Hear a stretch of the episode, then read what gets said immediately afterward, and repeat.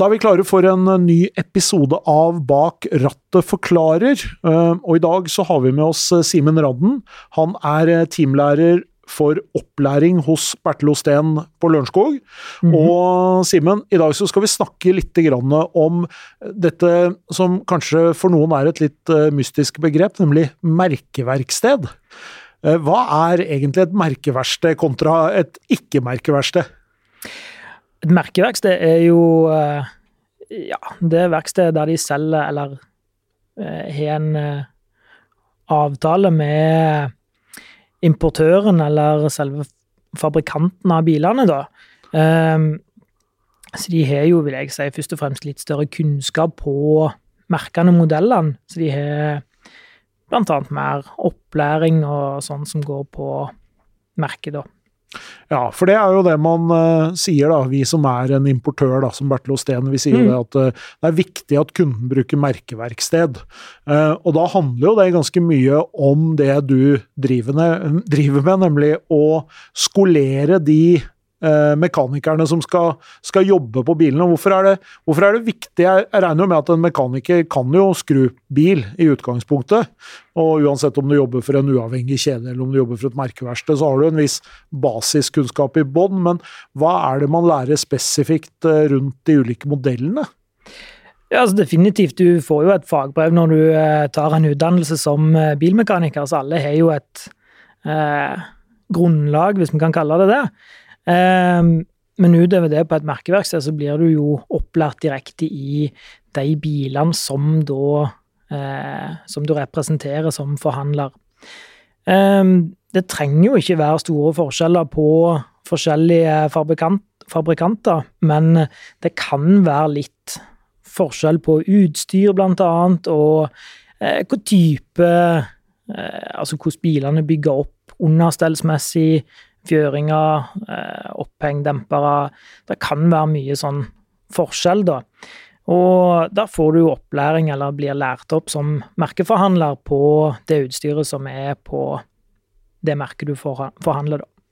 Ja, for det er jo antageligvis sånn når du er mekaniker at uh, i dag bruker du mer enn bare fastnøkler og, og piper. Det er en del det er, det er ganske mye elektroniske eh, instrumenter som blir kobla opp til bilene, og som er viktige for å kunne gjøre en skikkelig jobb? Mm, det er definitivt. Der har vi jo òg eh, diagnosetestere der eh, et merkefritt verksted vil jo ha universaltestere som eh, fungerer til veldig mye, eh, men en original diagnosetester vil jo gjøre en mye større muligheter for både diagnose og kontroll av oppdatering av software og sånn, blant annet på eh, styreenheter som er i bilen. Og det begynner det å bli forferdelig mange av.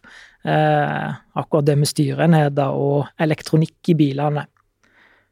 Ja, for der har det jo skjedd temmelig mye, fordi at der har man jo gått fra å ha releer og, og, mekaniske ting til at det er disse her boksene som du, som du, finner rundt omkring. Da. Der uh, nytter det ikke med skrutrekker for å finne ut hva du skal gjøre. Nei, det er helt sant. Uh, før så var det altså du sier, veldig mye releer og veldig enkelt med brytere. og Strømmen var veldig enkel, og grunnlæren for en mekaniker for 20 år siden, 25 år siden, var jo veldig mye retta mot den typen teknologi, da. Eh, mens i dag er veldig mye mer vanlig med styreenheter der du har gjerne de samme bryterne for å styre samme funksjon, men alt går via en styreenhet, en data, for å si det sånn, da, som er med å kontrollere funksjonen på det. Det er gjerne sensorer som tar noe så enkelt som en vindusheis. Så før så gikk det strøm, du hadde et relé av på kjørte opp og ned, mens i dag så kan du eh, Styreenheten kan styre den, du kan senke og vinduer fra nøkkel, f.eks., eller du kan få klemsikringer, som igjen er en styreenhet som er med og gir de funksjonene. Og da sier du at hvis jeg kjøper en sånn som jeg kobler på ODB-kontakten og, og, sjekker av på mobiltelefonen, så er ikke det samme utstyret som dere bruker? Ganske langt ifra. Ehm, de som er tilgjengelige til folk eh, Ola Nordmann kan kjøpe til telefonen, da, det er hovedsakelig for å lese ut motorstyring. Eh, så der får du jo veldig begrensa tilgang til eh, bilens elektronikk. Du får ja, lese og mulig slette feilkode òg, eller får litt eh, livedata på sensorverdier som er på det som er knytta direkte til motorstyring. Hovedsakelig så er jo det bensin- og dieselbiler dette er populært på. På elbiler så er jeg litt usikker. Jeg har ikke fått testa sånne uoriginale dingser, hvor, hvorvidt du får noe særlig mye data ifra dem. Nei, for det er vel også noe med at uh, en bil skal jo være sikker i forhold til hva noen kan gjøre fra, fra utsiden også. Det er jo rett og slett uh, hackere som, som, tester seg på biler også.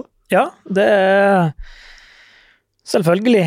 Uh, før så var det mye lettere å ja, bryte seg inn i en bil der du hadde en mekanisk tenningslås, og det var i grunnen bare Så lenge du fikk vridd rundt nøkkelen, så fikk du starta bilen, så er det jo i dag begynner å bli færre og færre biler som i det hele tatt har en nøkkel som du setter inn i tenningslåsen og vrir om. I dag er det fleste startknapper, så vi skjønner jo at allerede der så er det mye mer elektronikk. Og sikkerhet er det jo selvfølgelig stort fokus på, men allikevel så vil det jo alltid være hackere som klarer å finne smutthull i, i den elektronikken og klarer å bruke smutthull til å stjele biler, f.eks.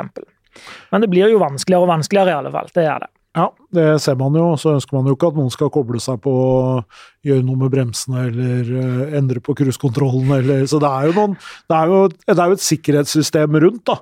Men for veldig mange så er det jo sånn at uh, nå har jo det også forandra seg. For før så var det jo sånn at da visste du at uh, når bilen hadde gått et visst antall kilometer, da måtte du ha bilen på service.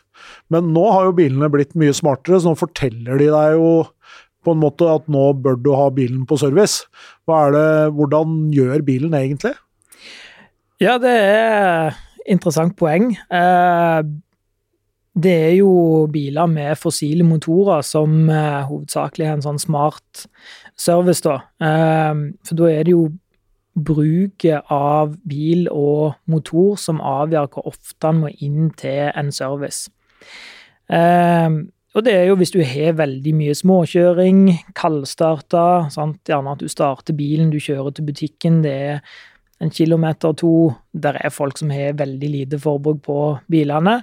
Eh, da har du mye større slitasje på eh, motor enn du har hvis du har lengre kjøring da, og har driftsvarme motor som går over lang tid. Det er mye heldigere for motoren.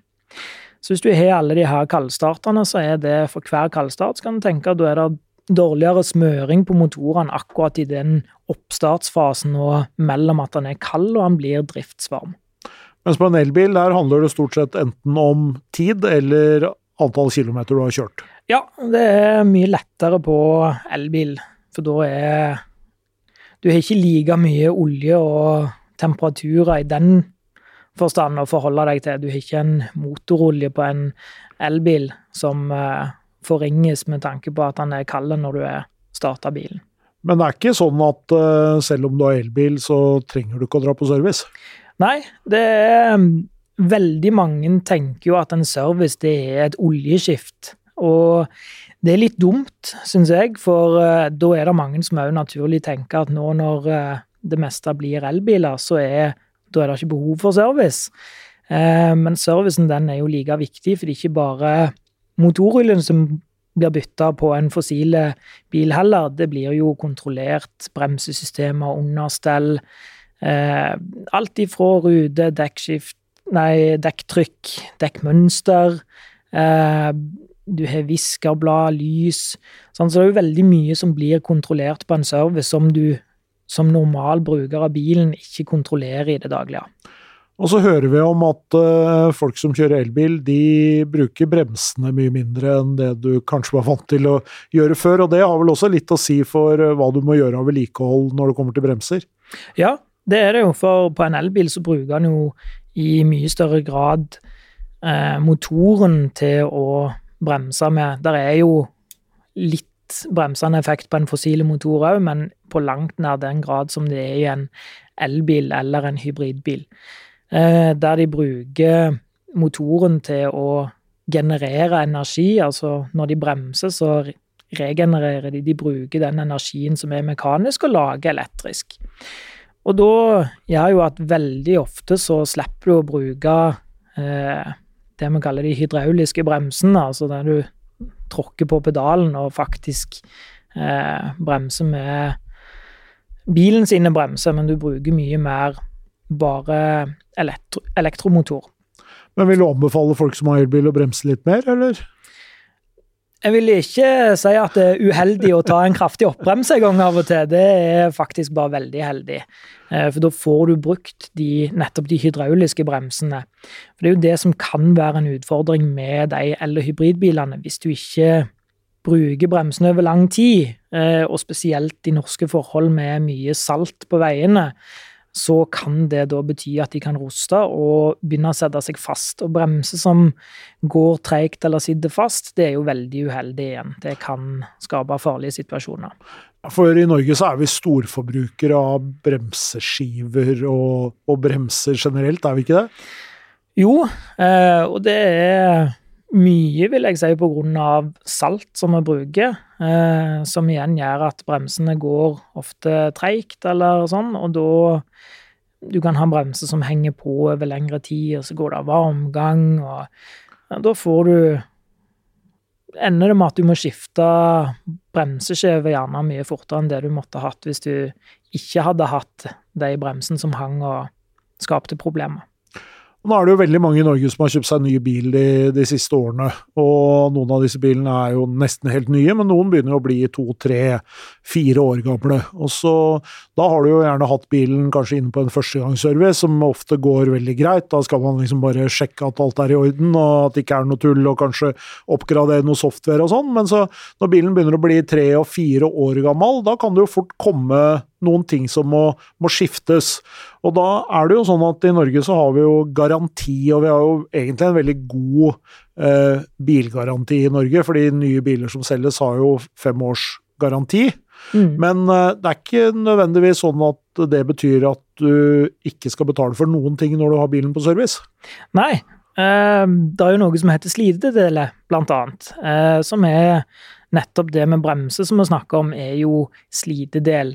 Og dekk, for eksempel, for å ta noe veldig enkelt, som jeg tror de fleste kjenner til at slitedel, det er jo ikke noe som blir dekka av garanti. Men akkurat bremsen kan jo da være, eh, hvis de ikke blir smurt opp på en service, eksempel, eh, så kan jo det bety at de henger og må skiftes på et veldig tidlig tidspunkt. Eh, og hvis bremser må skiftes tidlig, så er det jo naturlig at folk tenker da er det et problem med bilen, og da ønsker de selvfølgelig dette dekka av garanti. Og da er det jo ingen garanti for at du får dekka det på nettopp garantien, hvis det er dårlig vedlikehold som er grunnen til at de bremsene er utslitt på et tidlig tidspunkt. Men eh, når man har bilen inne på service på Mac-verksted, så er man i hvert fall sikker på at eh, man vet hva man skal se etter når bilen er på service. Også kanskje ting som kan være ekstra viktig å passe på akkurat med den bilen. Mm, det er veldig viktig og godt poeng at uh, merkeverksted vil jo ha mye større kjennskap til akkurat den bilmodellen enn det ikke-merkeverksted har på akkurat den bilmodellen. Igjen litt tilbake til det vi snakka om tidligere, om at de har jo en uh, mekanisk utdannelse, de har jo selvfølgelig kompetanse på bil, uh, men et merkeverksted vil ha litt mer spisskompetanse på akkurat det merket, akkurat den modellen som de har, da. Og så helt til slutt, da. Uansett om du tar service på Mac-verksted eller om du tar det på et uh, annet verksted, hva slags konsekvenser kan det få for deg hvis du ikke følger denne serviceintervallene som er satt opp av produsenten? Nei, altså hvis du tar sånn et eksempel på en ytterste konsekvens, da, hvis du er dårlig på vedlikehold av eh, motorolje, altså at eh, en fossilmotor spesielt går for langt da, med samme oljen, så kan jo det få slitasje på motoren, og i verste konsekvens så kan jo hele motoren få et havari. Og hvis det da stammer tilbake igjen i at du ikke har vedlikeholdt bilen, som er ditt ansvar, som ikke kan henges på verken forhandler eller importør eller noen ting, det er ene alene brukeren og eier av bilen sitt ansvar. Så er det veldig dumt hvis det er kommet tilbake igjen at det er din feil, og så må gjerne skifte en motor som kan koste 100 150 000 kroner. Vi tar med oss det inn i uh i erfaringsbanken vår, og så sier vi takk til Simen Randen, som er teamleder på opplæring hos eh, Bertil Osten. Eh, så tror jeg vi har mer å snakke med deg om, så jeg tror kanskje du må komme tilbake og være med i noen flere episoder av Bak rattet forklarer. Jeg kommer gjerne tilbake.